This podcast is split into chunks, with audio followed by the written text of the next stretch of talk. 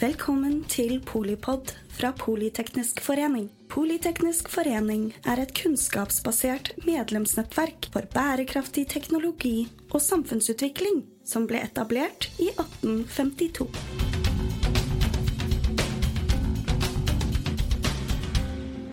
Ja, da ønsker jeg jo eh, alle paneldeltakere. Jeg har altså gleden av å lede resten av denne sesjonen.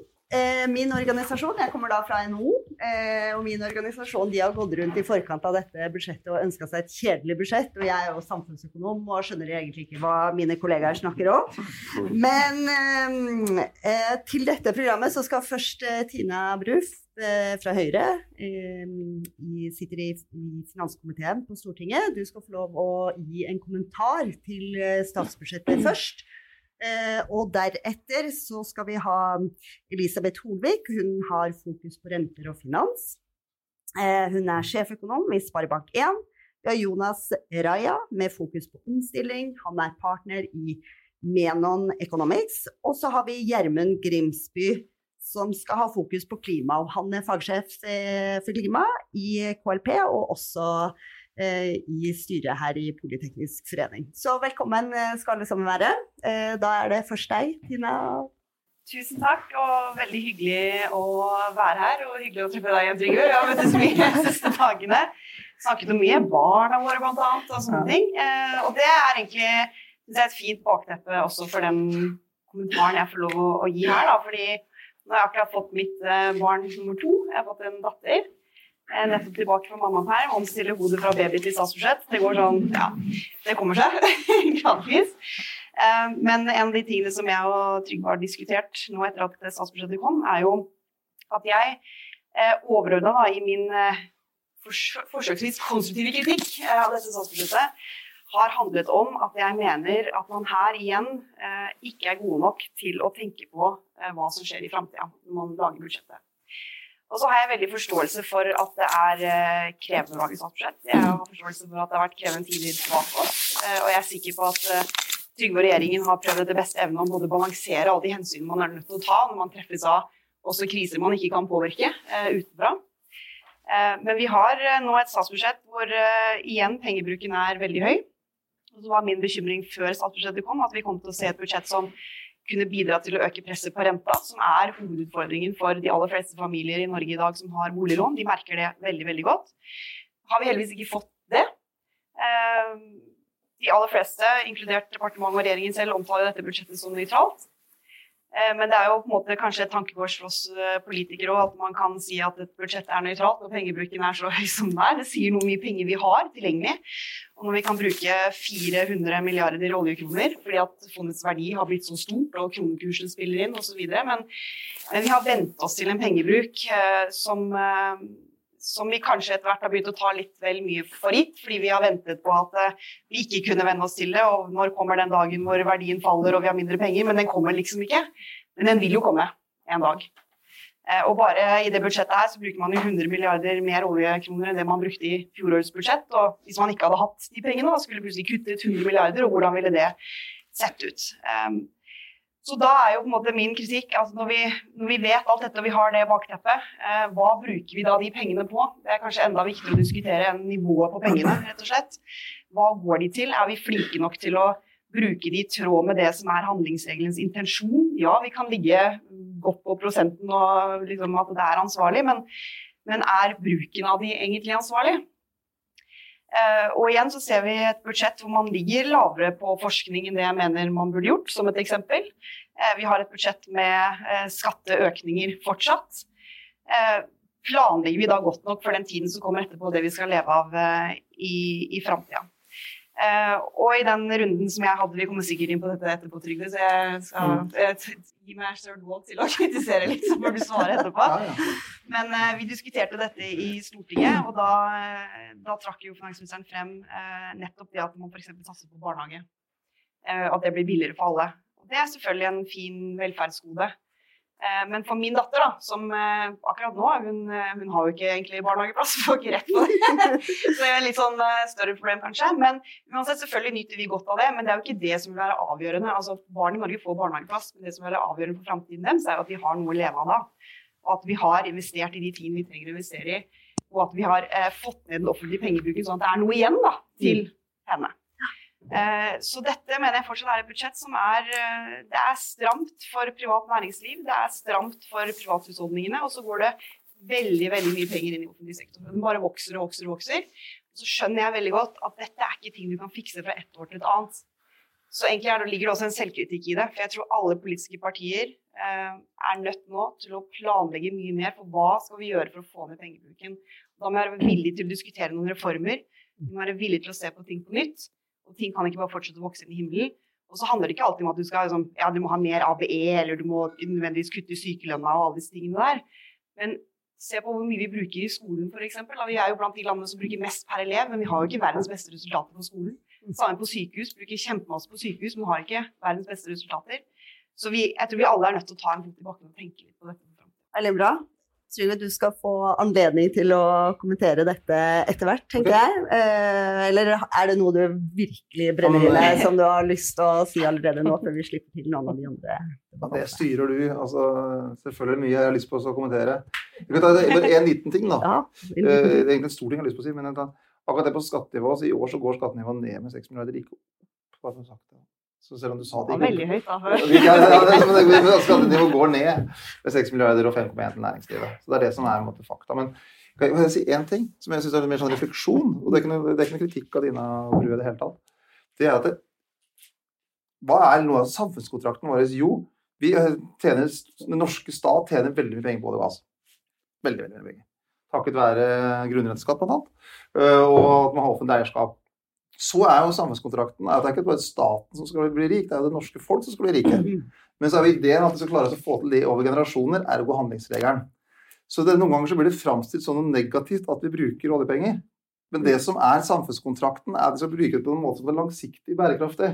Og derfor 2,7. Eh, Men hvis vi hadde sagt at nei, det er om å gjøre alle de pengene på bok, så hadde det blitt folkelig veldig stor motstand. Så det er, veldig, sånn, det er en samfunnskontrakt mellom Tina når hun sitter i regjering, meg når jeg sitter i regjering, Stortinget og innbyggerne på at vi skal bruke den fantastiske inntekten som vi har gjennom olje og gass, skal komme oss alle til gode. Og så er det selvfølgelig et valg om det er da offentlige velferdsytelser, forsvar, andre typer ting. Men det er det som ligger til grunn. Så noen ganger syns jeg denne kritikken av oljepengebruk kan også Hvis jeg tenker litt større på det, så er det det som er samfunnskontrakten. Flott. Det kommer vi til å komme tilbake til. Da tenker jeg vi går over til Elisabeth Holvik. Ja, um, på kort sikt så er jo budsjettet egentlig helt greit i den uh, situasjonen vi står i. Og jeg har jo vært av de som har pekt på at de ledende indikatorene som vekst i pengemengde og kreditt har jo vært kraftig fallende. Veksten i pengemengde er negativt, så det betyr at rentene er trolig høye nok. Uh, og så um, er det klart En får jo hjelp av at konsumprisene kom mye ned i siste tall som kom ut. Så jeg tror eh, ikke det blir noe renteøkning i desember. Men Norges Bank må fortsette å signalisere at det kan komme en renteheving, fordi eh, inflasjonsanslagene eh, er veldig usikre, og de kan bli høyere. Eh, og med den erfaringa en hadde fra i fjor, fra i år, med at du fikk veldig kraftige påplussinger på revidert, det ligger der som en sånn usikkerhet i markedet.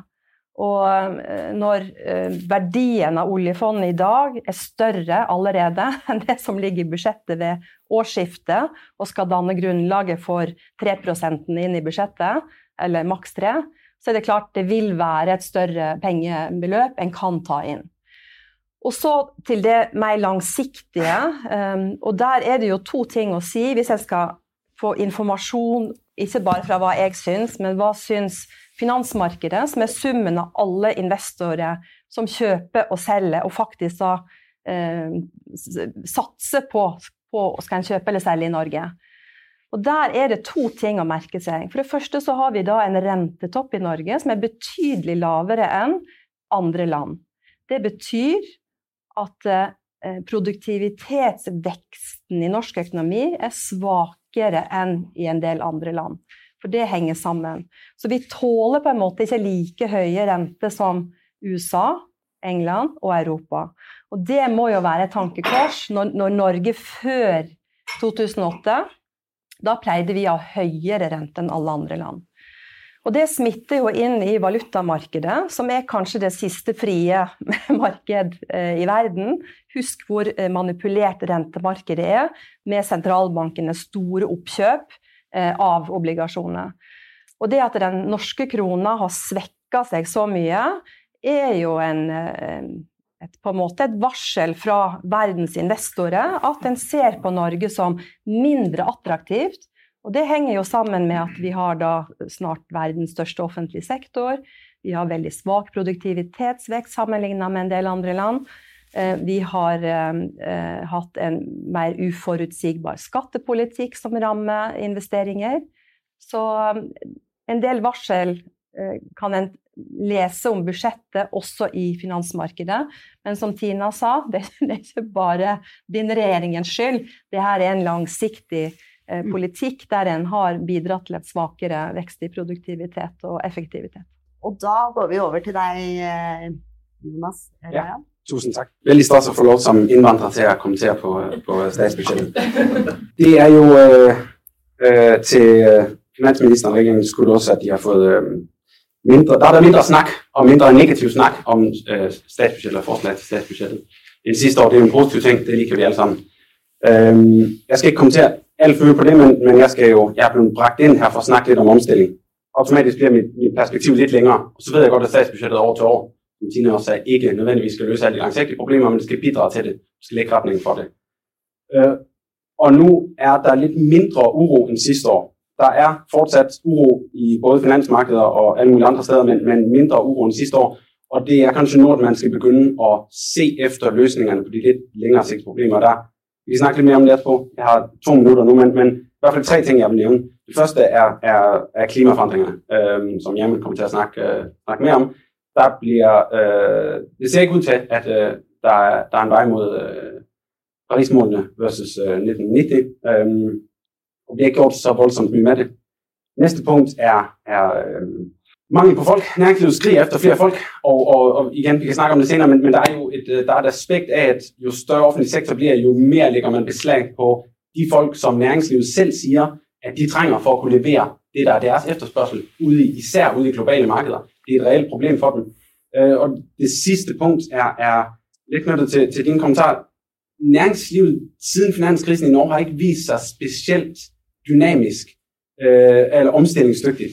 Der var en periode med omstillingsdygtighed rundt om, rundt oliekrisen, men siden da har, har øh, uanset om vi måler inputfaktorerne, altså øh, automatisering i næringslivet, robotisering i næringslivet, scorer man dårligt. Nogle mål på digitalisering scorer man dårligt. Måler vi på, på produktivitet, uanset om vi måler TFP eller arbejdskraftproduktivitet, så, er det, øh, så scorer man betydelig betydeligt lavere enn de fleste sammenlignbare land. Faktisk alle sammenlignbare land i Nord- og Vesteuropa.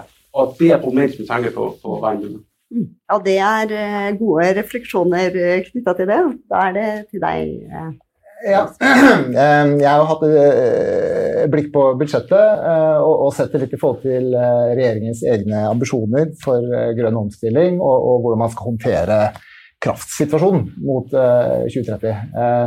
Jeg tenkte jeg skulle liksom dra det litt ned og, og snakke litt om energieffektivisering. Regjeringen uh, har jo nå lansert en handlingsplan uh, for energieffektivisering i, tråd med Energikommisjonens uh, anbefaling. og Der er det satt av en halv milliard til, til Husbanken og Enova, som skal styrke energieffektiviseringen. Mm. Um, jeg tenker at dette her er for uh, smått uh, i forhold til den, uh, måte, hvor lavthengende frukt det er da, å, å, gjøre en ordentlig jobb på energieffektivisering som både bidrar til å gjøre husholdningene og næringslivet mer robust mot prissvingningene vi ser framfor oss. Det vil frigjøre kraft for, for omstilling av næringslivet, og så er det en godt virkemiddel for klimapolitikken både på kort og lang sikt. og Der føler jeg det er en sånn Eh, egentlig ganske sånn eh, tverrpolitisk elefant i rommet. Eh, jeg tror også det gjelder Høyre og Tina, og det er strømstøtteordningen. Du skal finne få måte, budsjettposter som får så lite oppmerksomhet, og som er så stor som strømstøtteordningen. Den er på 10 milliarder også til neste år. Da viderefører man ordningen. Og det er på en måte et type tiltak som går motsatt vei enn det man ønsker med energieffektivisering. Eh, og eh, jeg ser absolutt at det er behov for en strømstøtteordning og en måte som kompenserer eh, forbrukerne når det blir ekstreme prissvinninger prissvingninger. Samtidig så håper jeg, nå har man hatt litt tid til å tenke seg om, at man kan innrette den på en måte som gjør eh, oss forbrukere da, i stand til å gjøre valg som er eh, vennlige for energieffektivisering. Eh, og at man liksom tar det signalet som markedet gir oss på alvor, om at kraft og strøm er knapt eh, gode. Ja, jeg tenker at eh, alle dere tre har egentlig løfta fram litt uh, ulike perspektiver på liksom, det litt mer langsiktige, og ser liksom uh, litt varskosignaler i finansmarkedet. Det er omstilling, og det er klima. Altså både digitalisering og, og klima. Og alle disse forholdene her går jo på litt uh, lengre sikt. Eh, så det tenkte jeg at det kan vi komme tilbake til. Men la oss liksom bare starte med det helt kortsiktige bildet. ikke sant? Hvorvidt eh, pengepolitikken, det var jo du Tina Bru litt inne på. Eh, at ikke sant, Er finanspolitikken nå egentlig tilpassa den økonomiske situasjonen? Fordi sånn som dere også presenterer i nasjonalbudsjettet, så er det jo det er en ganske ja, fascinerende boks eh, som eh, beskriver hvordan man bør bruke Altså hvor mye penger bør man bruke egentlig i en eh, nøytral situasjon. Eh, og da peker dere jo litt på at eh, man må ha litt handlingsrom, fordi at det er mye usikkerhet knytta mm. til, til, hvor mye handlingsrom vi faktisk skal ha. og da tenker jeg at akkurat nå på det kort sikt her, så, så er jo finans, altså, politikken retta inn godt, og, og, mange peker på at den verken hever eller senker renta. Mm. Men samtidig så sier jo dere også da at eh, den har vært ganske ekspansiv, eh, hvis man ser de siste tre årene under ett. Mm. Og samtidig så sier dere at kapasitetsutnyttelsen har vært veldig høy. Eh, og så lurer jeg bare på litt sånn er da de vurderingene slik at ja, da er finanspolitikken også på kort sikt eh, liksom godt tilpassa, eller kunne man ha tenkt seg at man skulle ha brukt enda mindre eh, akkurat nå? For å liksom kanskje underlette jobben til eh, sentralbanken enda mer. Dette er jo midt i kjernen av dilemmaene vi står oppe i, egentlig. Eh, og det er ganske godt illustrert på den runden her. Og for å ta f.eks. siste innlegget, så, så selv om vi har økt eh, det forbeholdet jeg husker riktig, men jeg tror vi har økt bevilgninga til Enova, som er liksom statens virkemiddel for energiomstilling, med 70 eh, til vi overtok, vi overtok så ganske kraftig. Og så øker vi med 500 millioner i år til ulike energieffektiviseringstiltak. Så vil jo den som er mest interessert i det, si at ja, det er for lite. Altfor lite.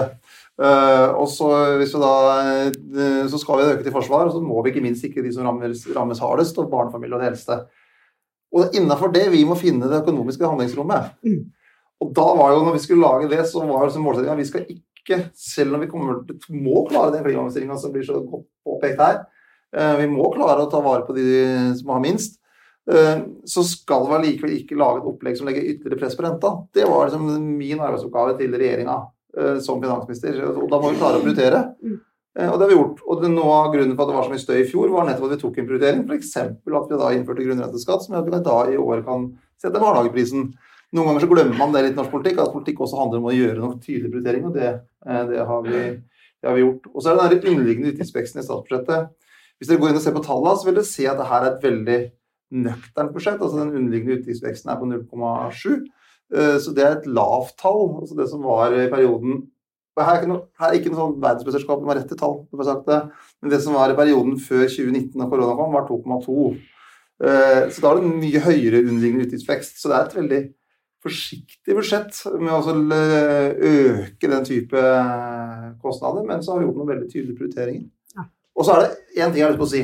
For når vi har oljepengebruk, så er det, liksom to, det er jo to, tre faktorer som står i budsjettet. Det ene er 2,7,3. Det er sikkert den morsomme boksen å se. Og der står det skal han ha langsiktig, det er 2,7. Og den treffer akkurat, da. Ja, helt riktig. Så det er akkurat samme som i boksen din. Eh, så det er den ene. Og så er det budsjettimpulsen, eh, som i fjor var minus 0,6 når vi begynte. I år så er det 0,4. Mm. Det er egentlig generasjonsregnskapet. Altså hvor eh, er dette bærekraftig over tid? Og så er det hvordan det påvirker i år.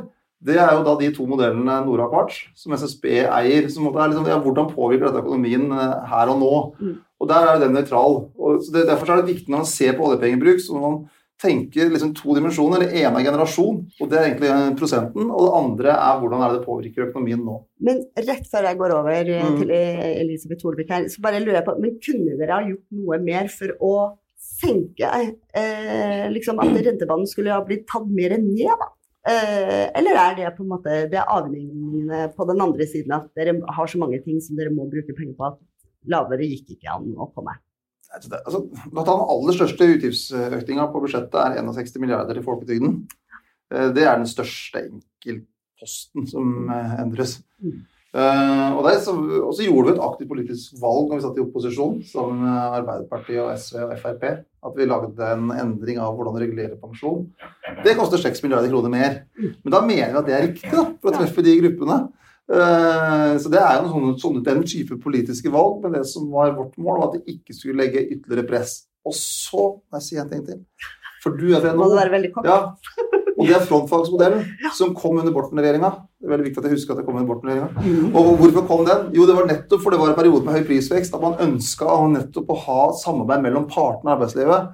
Så i tillegg til det Norges Bank gjør, det jeg gjør, så Stortinget, så er jo det at vi har frontfagsmodellen utrolig viktig, og har vært det egentlig siden midten av 60-tallet til i dag. Og det er jeg veldig enig i, og der kunne jeg hatt et helt eget seminar. Da er det deg, Elisabeth. Jo, men jeg tror du må eh, reflektere litt over at eh, 90% av alle skatter som blir tatt inn fra folk og bedrifter, går til å betale de som ikke jobber. Og de skal bli mange, mange flere av fremover. Og hvis en ikke gjør noe med veksten i produktivitet i økonomien, og det enkleste grepet da er jo å begynne å se på hvordan en kan gjøre grep i den svære offentlige sektoren, som nå er 62% av økonomien, verdens høyeste eh, offentlig sektor. Og når du nevner frontfagmodellen, så er jo litt av problemet at eh, du kan ta inn inntil 3% av oljefondet, som har vokst mye, mye, mye mer enn det som en hadde tenkt i 2001, når en designa inflasjonsmålet og handlingsregelen. Og så skulle inflasjonsmålet fungere som riset bak speilet hvis en brukte for mye og lønnsveksten steg. Problemet nå er at eh, du har fått eh, en sånn kraftig svekkelse i kronekursen at du, at du skjuler på en måte at eh, konkurransekraften i norsk eh, eksportsektor har blitt underliggende svekka. Og så bruker en eh, lav kronekurs til at den holdes ved like. Og samtidig, jo svakere krona blir, jo større blir oljefondet. Så det blir ikke noe så, så, så, så hvor skal på en måte det politiske miljøet føle at eh, det er nok? Altså hvilken eh, straffereaksjon, på en måte, slik som det var tenkt eh, med handlingsregelen og inflasjonsmålet. Når skal en tenke at en har fått en for stor offentlig sektor? Kan den bli 80-90? Ja, og så er spørsmålet her med valutakursen. Er det du egentlig også lurer på, er skal, alt, skal hele svekkelsen slå ut i økt forbruk eller et eh, økt uttak? Altså, det er to sider her, da, for vi har også høye kostnader på en del typisk forsvarsindustrien, og sånn, så det, kostnadene øker. Og så syns jeg Holvik forenkler litt, fordi hvis du drar til Sverige, så vil du se at valutautviklinga der er veldig lik den norske krona. Og, De har jo og- sine egne problemer, da. Ja, ja, jo, men det er det som er poenget. er at Hvis du Ja. ser hvordan de beregner valuta, så, så, så er det at eh, Nor- Norge blir veldig eh, likestilt, egentlig, eh, med f.eks. en del andre mindre valutaer. Så det altså tro at, eksempel, at grunnrentedebatten i Norge i fjor påvirka valutadebatten, det er veldig, veldig forenkla. Mm. men det kan man selvfølgelig ha et eget seminar om. Uh, for, for det var ikke noen grunnrentedebatt i Sverige som gjorde at de akkurat samme utviklinga. Mens at den danske krona var knytta til euro på en annen fastkurspolitikk. Og jeg mener at det er veldig viktig for Norge med den olje- og gassøkonomien som vi har, at vi har en egen valuta. Det har tjent oss veldig godt, og det gjorde ikke minst etter 2014-2015. Så det, hadde vi ikke hatt valutaen da, så måtte vi ha gjort innsamling på en helt annen måte. Uh, Så jeg syns det uh, jeg synes det er litt mer sånn polemisk at eh, den norske krona skyldes fordi det er helt lik utvikling på veldig mange andre tilsvarende valutaer rundt omkring i verden, hvis man går inn i det. Men, men forskjellen med Norge og Sverige er at alle de andre eh, 27-28 land har falt andelen offentlig sektor som andel av økonomien, mens vi har økt. Ja. Så spørsmålet var egentlig hvor skal du få inn Hvilke mekanismer skal bremse eh, økningen i offentlig sektor? Og la oss bare ta, så dere slipper å få en, eh, bare en debatt fram og tilbake. La oss slippe til et par av de andre her også og høre. Hva, er du enig i noe av dette, eller uenig, eller hvor, hvor legger du deg? Nei, altså jeg syns begge to jeg sier fornuftige ting. Det er veldig interessant debatt å følge med på. så jeg sitter her i midten og hører på det. Men bare til, for at det vi egentlig snakker litt om her, er jo eh, hva skal til for å disiplinere da, Mm. på hva man bruker penger på. Og det, jeg tror at det, det er jo litt der vi er liksom full fart med å skli helt ut. da. Fordi sånn, Trygve hørte når du snakket liksom, i stad, når du svarte på det jeg sa, så sa du ja, men jeg mener at liksom, oljeformuen vår skal gå tilbake til folk, og vi skal gi noe tilbake og velferd i dag. sånn, Men det er jo ikke det som er handlingsregelen. Altså, du redefinerer jo på en måte bare sånn over bordet her da, hva som er intensjonen med pengebruken i handlingsregelen. Det har jo vært helt bestemt helt fra starten av hva man skulle bruke pengene på. Men, men det har liksom de fleste politikerne egentlig glemt. Så nå er det liksom, man legger nye definisjoner til grunn på hva man syns er bra. da, ikke sant? Velferd i dag, f.eks. Og, og det, vi klarer ikke å disiplinere oss, for det vil bare ese og ese og ese ut. Fordi alle vil ha mer, og alle syns de eh, bør få mer. Og sånn er det. Og Et godt eksempel er jo bare på vi ser på budsjettene nå, altså Før var det jo sånn at man hadde stor aktivitet og det ble sånn kraftig oppsving, så var det jo alltid et klart mål man skulle skikkelig bremse ned da med budsjettet. Holde igjen. Mm. Mens nå har man heller bare sklidd over til at ja, men da skal man bare i hvert fall ikke gi gass. Bare står stedet hvil på en måte. Det sier noe om hvordan man sklir hele veien fordi at man har blitt så vant til å ha så sinnssykt mye penger som bare kommer dalende inn. Eh, og så kan man bruke det. Og det, det er ikke riktig. Liksom. Vi kan ikke fortsette på den måten der. Eh, og jeg var mer sjokkert over det i, i fjor, gitt situasjonen vi sto i. At det var liksom Da var det eh, riktig å prioritere masse ting som vi er uenige om politisk sykehus, det er ikke det jeg sier det, men liksom gratis ferje, at man fjerner hele den ABE-reformen, så kan man si masse om den, men det er liksom allikevel, det er jo et verktøy da, for å ta ned offentlig sektor lite grann. Eh, mange sånne prioriteringer som jeg bare syns er så rart å prioritere hvis ting står på spissen ting er vanskelig. Så bør det jo være mulig å liksom spare det da, til liksom den krisetiden er over, men det har man ikke gjort. Og så fortsetter man med det nå. Og så må du nesten bestemme deg, Trygve, om det er liksom eh, oljepengene som finansierer denne billigere barnehagen, eller om det er grunnrenteskatten. Du sier begge deler, men, men det er jo ikke sant, det kan ikke være begge deler. Eh, det, ja. Eh, Raja først. Jeg må slippe til litt her. Og så mm. Jeg, jeg, jeg vil bare egentlig understrege Elisabeth sitt poeng. Øh, Det er jo eh, På kort sett tenker jeg at øh, en del av øh, inflasjonen og trykk i økonomien er importert. Det er sentralbanken Norsk Bank som skal stå for å, å få prisveksten ned. I det lyset tenker jeg at, at, budsjettet på kort sikt er, er fint. Jeg tror også det vitner litt om at det er ingen av oss som er fokusert på det. At, at folk nok ikke er sindssygt uenige i det.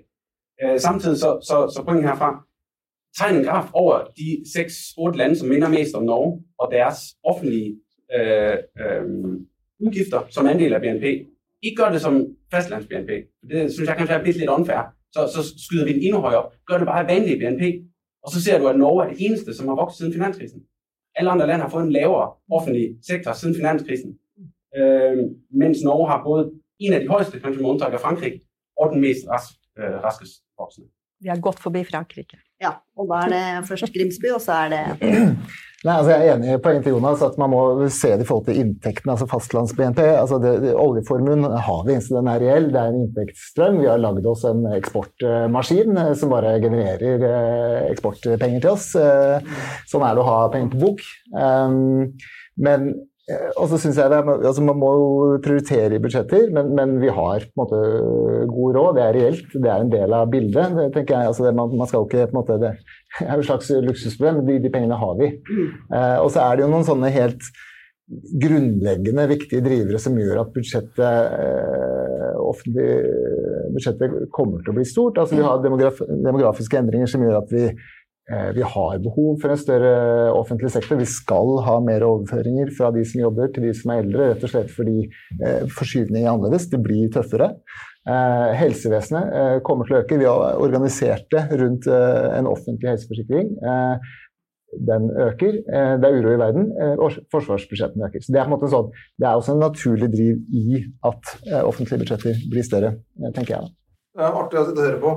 Og det, Eh, jeg må ta noen, noen ting. Det ene er jo La oss ta handlingsserien først, da. Eh, For det, så fra år til år så er det en uttaksregel. Det er egentlig det det er. Altså det, vi har lagd en regel. Før så var det 4 så er det 3 og, og så eh, I år er det behov for gass, så går den litt over, og året er under, så litt under. Og så skal det være en regel som står seg i generasjonen. Men så er det også en sånn generasjonsregel. Og det er jo det som er måte, kontrakten mellom oss som styrer, og er så heldig å få lov til det, da, det er folks tillit, det er jo at det handler jo om velstanden til alle i Norge. Det er jo det som er hele poenget med den, at vi har de skattesystemene vi har. at vi har Eh, sikre olje- og gassinntektene, er jo at du og jeg skal ha best mulig velstandsvekst i landet vårt. Det er jo det. Og så skal vi fase inn på en måte som skaper trygghet eh, for deg og meg. Så er det noe av det som er mest positivt i budsjettet nå, er jo, tallet er at det er 130 000 flere i jobb nå enn det var for to år siden. Mm. Um, for den langsiktige bærekraften så er det utrolig viktig. Og vi ser også at andelen som er i jobb, går opp. Og For å få ned trygdeutgiftene Én ting er pensjon, for det, det, blir flere eldre, og vi håper at de lever lenge og har et godt liv. Uh, og så har vi gjort et aktivt valg av pensjon som går mer opp enn det det la opp til. Uh, men så er det selvfølgelig det å få folk ut fra uføretrygd, ut fra en eller annen sånn mellomfase når de er ung. altså Alle de tingene der er ekstremt viktige. Altså, vi lever ikke av olja, vi lever i bunn og grunn av hverandres arbeid. Mm. Og det at uh, yrkesdeltakelsen er på vei opp, det er noe vi må jobbe sammen om. og det er Noe av det største fellesprosjektet vi må ha nå, er å klare oss å få den store nye befolkningen vi har fått løpet av de siste åra, eh, til å bli yrkesaktive. Den ukrainske befolkningen. Det er en kjempestor oppgave at ikke de kommer inn i en mottakerrolle over tid, men at de nå kommer inn i yrkeslivet. Og Det blir noe av det viktigste det året som kommer. Å få fasa inn flest mulig av de folka eh, fra introduksjonsprogram og inn i jobb. Ja, Så det gjelder å liksom sikre den langsiktige bærekraften. Men når du snakker om å, å sikre velferden til folk. Så var jeg jo på et eh, seminar om statsbudsjettet i går på ja. Universitetet i Oslo. Og da eh, ble det påpekt at eh, når vi blir stadig rikere også med tanke på eh, petroleumsfondet, er det da eller Statens pensjonsfond utland, er det da eh, sånn at vi bør ta alle de midlene inn over offentlige budsjetter, eller burde også mye av dette komme gjennom økt privat konsum? Altså, hvordan, måte, eh, hvordan, tenker dere rundt det i eh, Finansdepartementet når dere driver på å lage Langsiktige mål er jo begge deler, egentlig. Altså At vi skal føre en økonomisk politikk som gjør at eh, folk får reallønnsvekst og mulighet til økt privat konsum, men samtidig også at vi styrker offentlig sektor. Og Det er det som er målsettinga med den økonomiske politikken. Det er jo velstandsvekst i bredt. Både med å sikre den grunnleggende offentlige velferden, F.eks. barnehage, da, som jeg mener er veldig framtidsretta. Uh, og barnehagepris. Men også selvfølgelig da, at hvis man da klarer å få prisveksten ned, som man gjør i samarbeid mellom Norges Bank, Finans eh, og partene, så vil man igjen få reallønnsvekst. Så det er jo det er begge deler som er målsettinga. Det har ikke vært noen motsetning heller hvis du ser de, neste, de siste 30-40 åra. Vi har klart begge deler. Både å ha en forbedring i en enorm forbedring i offentlig velferd siden 1990, som jeg snakka om i stad. Ja. Eh, men også en utrolig kjøpekraftsutvikling utover de siste åra. Og målet er å få snudd eh, det med kjøpekraft, selvfølgelig. Men det, men, ja. men det, som er så rart, da, når Norge blir så rikt, staten er kjemperik og eser ut, hvorfor må en øke skattene så kraftig på det å eie norske bedrifter og for norske gründere som skal skape det neste næringslivet? Det hemmer jo både investeringsviljen, det hemmer muligheten for produktivitetsvekst, og det hemmer muligheten for å skape et, et, et nytt næringsliv som kan skape arbeidsplass i fremtida.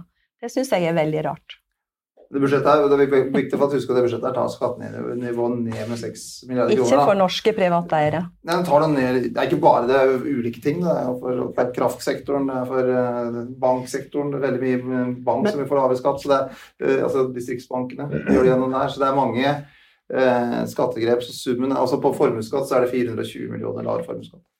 Men bare til det at skattene gikk ned fra i fjor, er kanskje ikke så rart, men litt sånn ekstraordinært. Nei, men Det var helt riktig det vi gjorde i fjor, altså, mener jeg. da, selvfølgelig.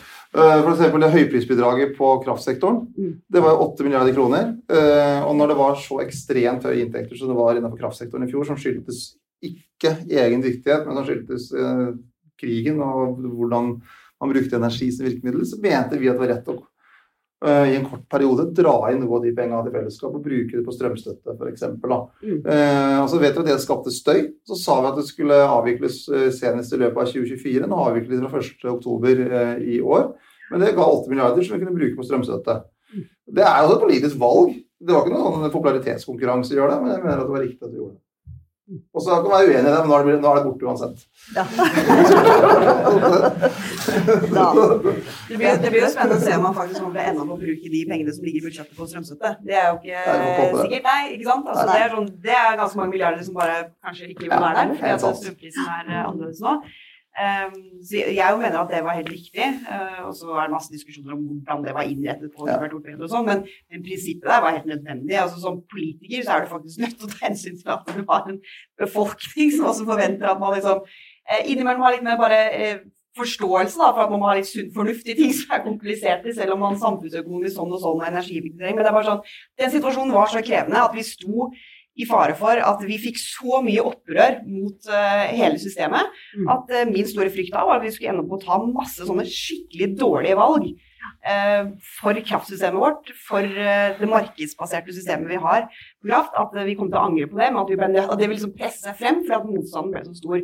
Heldigvis har det roet seg litt grann. Men, så, men det går ikke an å si at liksom, skattene går ned nå. Ja, men det var veldig høyt i fjor, Trygve. Det var kjempemasse. Eh, så det var bare på sin plass at det gikk litt ned. Men det som er rart, er at man ikke klarer, til tross for liksom 400 oljemilliarder, fortsatt mer eh, skatter, du har fått grunnrenta di, at du ikke klarer engang å ta bort den ekstraordinære arbeidsgiveravgifta. Det, det forstår jeg ikke. Det syns jeg er så rart. Og det var bedyret så mye i fjor og det er midlertidig. Og det er en skikkelig, det er en skikkelig skadelig skatt. Altså Man kan godt ha prinsippdiskusjoner om skal man ha grunnrente på ting og alt det der, men akkurat den skatten er bare den er så skadelig, og den hemmer vekst. Gjør den vanskeligere for arbeidsplassene. Det er vanskeligere å få folk inn i arbeid fordi at man svekker muligheten til å skape flere arbeidsplasser. Så, så jeg bare jeg spurte om dette i Stortinget òg, men hva vil du si da? Hva skal liksom Ja, den tiden er situasjonsbestemt. Hva skal til da for at situasjonen er rett til at den kan tas vekk? Ja, for her er det vel veldig mange her kanskje i salen også som eh, sitter kanskje i det sjiktet Altså teknologer eh, ofte har jo et inntektsnivå kanskje som ligger oppe i det sjiktet. Er du liksom eh, Ja, hva tenker du i forhold til å å fjerne den skatten? Er det mulig, eller er det for inntektsbringende? Altså det vi gjør i år, da Her er sikkert helsefattigdom fått det med seg, men likevel, vi, vi hever det fra 750 til 850 000. Det er det vi gjør, i år. Så varsla vi to ting i fjor. Vi sa at eh, høyprisbidraget skulle bort senest i løpet av 2024. Og så sa vi også skulle da fase ut eh, den eh, høyere satsen da, for høyere inntekter. Og nå gjorde vi den eh, på høyprisbidraget raskere enn det vi sa. Eh, og vi begynte å fase ut eh, arbeidsgiveravgiften, og vi kommer til å fase ut den raskt også. Så det er litt sånn klima mot teknologi? Eller? Nei, det er jo absolutt ikke i det hele tatt. Nei, det er ikke noe mot det. Poenget er at kostnadene i staten har gått helt altså Bare det vi bruker på Ukraina neste år er, og i år er Neste år er det beregnet til ca. 44 milliarder kroner. Og det er bare sånn det er. Altså, det kommer ukrainere hit. eh, De må ha et sted å sove, de må ha mat. Vi må sørge for at de får skole. Altså, det er bare sånn det er. Den regninga må vi ta. Og på en eller annen måte må vi ta den regninga. Vi kunne selvfølgelig sagt nei, vi tar alt på eh, oljepengebruk. Eller gjort andre ting, men så, to, så har vi fått opp finansiering. og Vi må bruke mye mer penger på forsvar. Sånn er det nå. Verden er røffere. Og da tok vi det politiske valget, og så sa vi at vi skal fase ut den arbeidsgiveravgiften raskt. Og så har vi gjort det raskere enn høyere tempo på midlertidig skatten enn det vi sa i fjor. Fordi vi ønsker å ha framdrift, og da skal det også være forutsigbart at folk vet at det er midlertidig. Jeg vil bare smette inn et par kommentarer om skatt når vi først var inne på temaet. Jeg synes det var veldig bra at eh, man fjerna høyprisbidraget også før man hadde signalisert. Det, det, eh, det tror jeg mange som er glad for. Da, da kan man eh, investere i fleksibilitet i energisystemet. Det er eh, insentiver til det. Eh, en annen skatt, eh, grunnrenteskatt på, på, på landvind. Eh, jeg tenker sånn i utgangspunktet grunnleggende positivt, og veldig bra det grepet eh, dere har gjort. eh, rundt, eh, og, og Halvparten av provenyet går til kommunene, og at vertskommunene skal eh, også få godt kompensert. Det tenker jeg er som et viktig grep for å, å gjøre lokal motvind til lokal medvind. Eh, Men det er én ting som er, eh, fortsatt ikke er på plass. eh, og Jeg leste pressemeldingene, og, og der sto det at man hadde gått en, en romslig overgangsordning. Eh, Men sånn som jeg har skjønt det, og de jeg har snakka med, så er det kun marginale forbedringer på de eksisterende eh, landvindanleggene. Og det tenker jeg er veldig uheldig. Fordi landvind er potensielt et, et, eh, viktig utbygging i, i kraftsystemet. Fordi det er relativt sett billig, du kan gjøre det ganske raskt. Og da må vi ha med eh, investorene. Og da hvis på en måte rund baut de, de investeringene som har vært gjort, de eksisterende anleggene går ut i, i minus, så, så, på en måte liksom bommer vi på Skyter oss selv i foten på hoppkanten eller noe sånt. Eh, ja. Ja, det må du nesten Du, du bare styrer, da, Ja, ja, ja. ja. ja du, du, velger. Nei, den landvindsaken, altså den um, Det er sikkert noen er interessert i den. Altså det som er uh, det vi gjør, det, er det ene er den produksjonsavgifta på 2,3 øre per kilowatt, som gir da anslagsvis rundt 390 millioner, ikke helt feil, neste år. Som går rett til vertskommunene. Og så er det jo da den andre til staten, så er provenyet, altså inntekten, beregna til 150 millioner neste år. Så veldig lavt.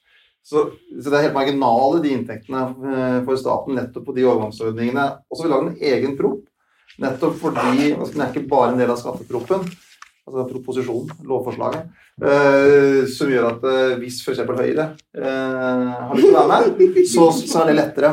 Det er tanken. Ja, ja. Så det er, det er tanken at vi har gjort det på den måten. Eh, fordi at det her er egentlig mer enn langs, altså For regjeringa her og nå så betyr det nesten ingenting på inntektssida. Men det er en langsiktig eh, inntektsside. Men, det, men, på kort sikt så er det vertskommunene som får det. Og så får vi diskutere, men da, da er forhåpentligvis da, så kan vi finne en litt bredere løsning eh, enn bare med ett parti. Men at man kan også f.eks. Høyre, da, hvis de vil, da, være med på det. Og selvfølgelig være med å påvirke ting. Eh, hvis man blir med på det. Ja, altså, Vi har veldig lyst til å være med og snakke om det, så det er veldig fint at det har kommet på den måten det har kommet. Um, og jeg tror at uh, altså, det var faktisk når jeg var statsråd at vi første gang innførte produksjonsavgift. Uh, så det er veldig, Og så har dere økt den. Det er bra. Det å få mer penger tilbake til lokalsamfunnene er helt avgjørende. fordi eh, Gud vet, eh, landvind eh, står foran store problemer, og ikke bare da på, på det her med, med skatt. Eh, og bransjen er veldig eh, for at det skal være en skatt, og mye har forandra seg bare på få år. fordi at når vi kom med produksjonsavgiften, så var på en måte all snakk om en grunnrente på landvind bare sånn, det var ikke aktuelt. Um, så, så, det er fint at vi har flyttet oss dit. Men, det er viktig da, at vi passer på i innretningen. Og nå har ikke jeg lest hele den proppen din, Trygve, så jeg har litt mer tid. Men, men, jeg er litt redd for at vi, altså vi må passe oss for ikke å havne i en situasjon hvor det, vi har et system som i bunn og grunn gjør det mer lønnsomt å investere f.eks. i Sverige enn i Norge. Mm. Uh, fordi bare det å få investeringer på landvind i Norge nå kommer til å være krevende nok, fordi vi har hatt så mye politisk uro rundt det, så mye folkelig motstand. Eh, det har kommet inn i et nytt lovverk ved at plan og bygg nå anvendes i mye større eh, grad, og kommunene har mye mer å si, kan effektivt sette ned veto. Hele det bildet gjør noe med viljen til investorene til å se til Norge når de skal løfte et prosjekt, som i hvert fall ikke bommer på skatt. Det må vi passe på at blir liksom, helst et bredt forlik, eh, så at det ikke blir uro rundt det, og at det er gode rammevilkår. Da er det Grimsby, og så er det her. Og så skal vi gå inn for landing, så da skal dere få ett minutt hver. Så dere må være litt kjappe. Og så starter vi okay. Eller slutter med deg. Du bestemmer. Men du kan få bestemme det. Kjørehaus. Ja, men eh, Først eller sist? Jeg kan være eh, først, da. For da kan, eh, da kan vår danske venn få det siste ordet. Ja, ja, ja. Okay. Nei, jeg hadde ikke noe på, eh, på den. Nei. Nei, fint. Um, Landbaseret vind, uh, grunnene er fantastisk. Vi kunne også lære noe av det hjemme. Uh, Danmark hjemme. Det synes jeg er et fantastisk grep. Um, men uh, jeg vil bare tage det videre, fordi vi må bare snakke resten om klima uh, før. fordi det er en stor del av statsbudsjettet og, og grønne broklæder med um, det nye regnskab. Uh, der er lang vei til, til 1990-baserte mål i Paris-aftalen, Og det er vel, vel den største utfordringen vi står overfor. Øh, og der blir gjort øh, veldig lite, så er der en CO2-kompensationsordning, som blir brukt, misbrukt, øh, synes jeg, fra et samfunnsøkonomisk stort sted. Der er en særlig ting, som, som der bare burde være no-brainer å lave på. Der, der er et krav for den her, den her CO2-kompensationsordning, som skal kompensere for, at man får høyere strømpriser. Der er et krav om, at man, man skal gjøre en av to ting eller tre ting, hvor en av mulighetene er at bruke minimum 30% fornybar energi. Det gjør alle norske bedrifter per definition, så det er ikke et krav. Det er absolut ikke et krav. Det man burde gøre, kan være ligesom Finland, man burde sige, du øh, skal bruge, du skal bruge vedvarende energi, energi, fornybar energi, og så skal du bruge, i tillæg, så skal du investere en del af de kompensationspenge, øh, du får i, øh, i grøn omstilling. Det er ligesom en no-brainer. Der er mange andre ting, vi kan snakke om i klima, men akkurat den der, det, det burde vi absolut gøre. Da er det avsluttende. Ja.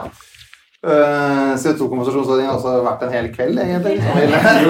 og vi bruker da godt over 6 milliarder kroner på den ordningen vi fått lag neste år. Allikevel så er det litt en uro rundt det, fordi at uh, man kunne brukt enda mer.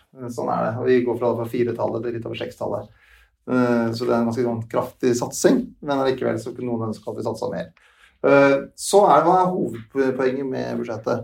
Hovedpoenget med budsjettet er jo at vi den perioden vi er, skal den økonomiske politikken bidra for prisveksten ned, og så holde folk i jobb. For at det klarer å komme oss gjennom den perioden, og det ser det ut som vi gjør, med høy yrkesutdragelse, lav ledighet, så, eh, så skaper det mye mer trygghet for folk. Det er egentlig jobben. Og så er vi bare fantastisk privilegerte, vi som styrer i Norge i dag, fordi at det har vært tatt veldig mange kloke valg på 60- og 70-tallet når det gjaldt uh, olje- og gasspolitikken. Og Alf Sigbjørn Johnsen har satt inn første kronene på oljefondet, så vi har et helt annen mulighet, og det må vi glede oss over. Men, men ting er lysere nå. Det er litt mer svalere farvann, selv om verden er ufattelig urolig fortsatt. Ja, um, jeg tror egentlig jeg har lyst til å bruke siste minuttet mitt på å si litt om, om, klima, for det har ikke jeg fått sagt så mye om. så det er bra at du tok det opp helt på tampen. Men um, det eneste som kommer til å være helt avgjørende hvis vi skal ha sjanse til å nå klimamålet i Norge, er at vi har nok kraft tilgjengelig til å gjøre det. Uh, for uten det så er vi sjanseløse. fordi i Norge så handler uh, det å nå klimamålene stort sett om å putte det som ikke er på strøm i dag, på strøm. Uh, fordi vi er så heldige at den er ren og fin her i vårt land. Og da, eh, Det henger litt sammen med det som jeg har sagt tidligere i dag. Da må vi, vi, må bli flinkere til å legge til rette for at det lønner seg å investere i Norge. At man vil det, at man vil skape arbeidsplasser her. Eh, og da må vi som politikere som lager statsbudsjett, også bli flinkere til å prioritere de tingene i budsjettet. Eh, og vise en vilje til å faktisk tenke nytt og gjøre noen reformer og bli smartere i måten vi gjør ting på i offentlig sektor, sånn at vi frigjør kapasitet til de tingene vi faktisk skal leve av ja, nå stjal du mine poenger, da.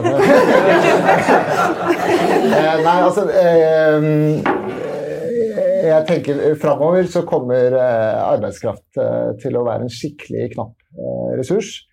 Um, og når det byr seg muligheter Det kan hende altså Nå går rentene litt opp, plutselig så er det litt ledig i bygg- og anleggssektoren eller sånne ting. Da tenker jeg det er veldig viktig at vi tenker eh, omstilling, eh, og ikke bare ser oss i, i bakspeilet og plukker opp eh, gamle samferdselsprosjekter. Da må vi tenke omstilling. Eh, jeg føler vi har bomma på et par eh, omstillingsmuligheter. Oljeskattepakke, eh, utforming av strømstøtteordning. ikke bom neste gang. Eh, og så vil jeg bare, I tillegg til klima, eh, i fjor så ble det undertegna en naturavtale som eh, Norge har signert på. I år kanskje kan gi dere rom til at det er et hvileskjær. Vi skal utrede, vi skal lage naturregnskap. Men det er viktig at vi ikke kommer bakpå der, som vi har gjort på, på Parisavtalen. Jeg syns egentlig det kapittelet om produktivitetsvekst eller produktivitet var veldig godt skrevet. Dessverre var det nesten ingen tiltak for å støtte den retninga. Så um, skal du lykkes med det grønne skiftet og få bedrifter til å vokse og bli værende i Norge, så trenger du kompetanse. Og det er altfor få uh, utdanningsplasser innen IKT, uh, ingeniører etc. Og vi trenger kompetent kapital, og da er den en skatt beskatning av norske eiere og norske gründere veldig veldig uheldig. Så det er to viktige ting for å få fart på omstillinga i uh, det grønne skiftet. Og der er EU-landene langt foran oss, både i virkemiddelapparatet og i skattepolitikken. Så der har vi mye å lære. Norge er jo ekstremt privilegert, og øh, vi er alle sammen hjemme misunnelige på jer. Øh, så, så, jeg forstår godt hvorfor man agerer som man gjør. Men faktum er næringslivet øh, sliter. Det kommer tydeligst uttrykk i mangel på eksportvekst, fordi det er ingen produktivitetsvekst der. Flere viktige norske næringer har, har, har falt i, i størrelse målt man i faste priser over de siste årene. Aluminiumsindustrien er en av dem. Øhm, heldigvis er jeg ikke politiker, så jeg, jeg trenger ikke å, vurdere akkurat hva man skal gjøre. Øh, det er det vanskelige. Men man står overfor noen riktig store problemer. Og man har klaret de siste, ja, Siden finanskrisen har man klaret å plastre over de her problemer ved å bruke oljepenger. Men på et eller annet tidspunkt klarer man ikke det lenger. Jeg vet ikke når det kommer. Jeg tror ikke det kommer de neste fem årene, men det kommer sikkert de neste 15 årene. Og, og vi er ikke på en vei der tilsier at vi kommer til å omstille oss korrekt. Takk, og takk eh, til alle sammen. Det her eh, tror jeg var veldig opplysende. Produktivitet, klarer vi litt bedre omstilling? Vil det bedre offentlige budsjetter framover? Klima vil nok eh, trekke i motsatt retning. Eh, vi takker eh, alle som har fulgt oss på stream, og så håper jeg at eh, dere andre som har møtt opp, kommer til å bli igjen her og mingle litt etterpå. Så takk. Takk for at du lyttet til Polipod fra Politeknisk forening. Få med deg flere episoder, eller bli med på nettverksmøtene, som du finner ved å søke at polyteknisk. eller gå på vår hjemmeside polyteknisk.no.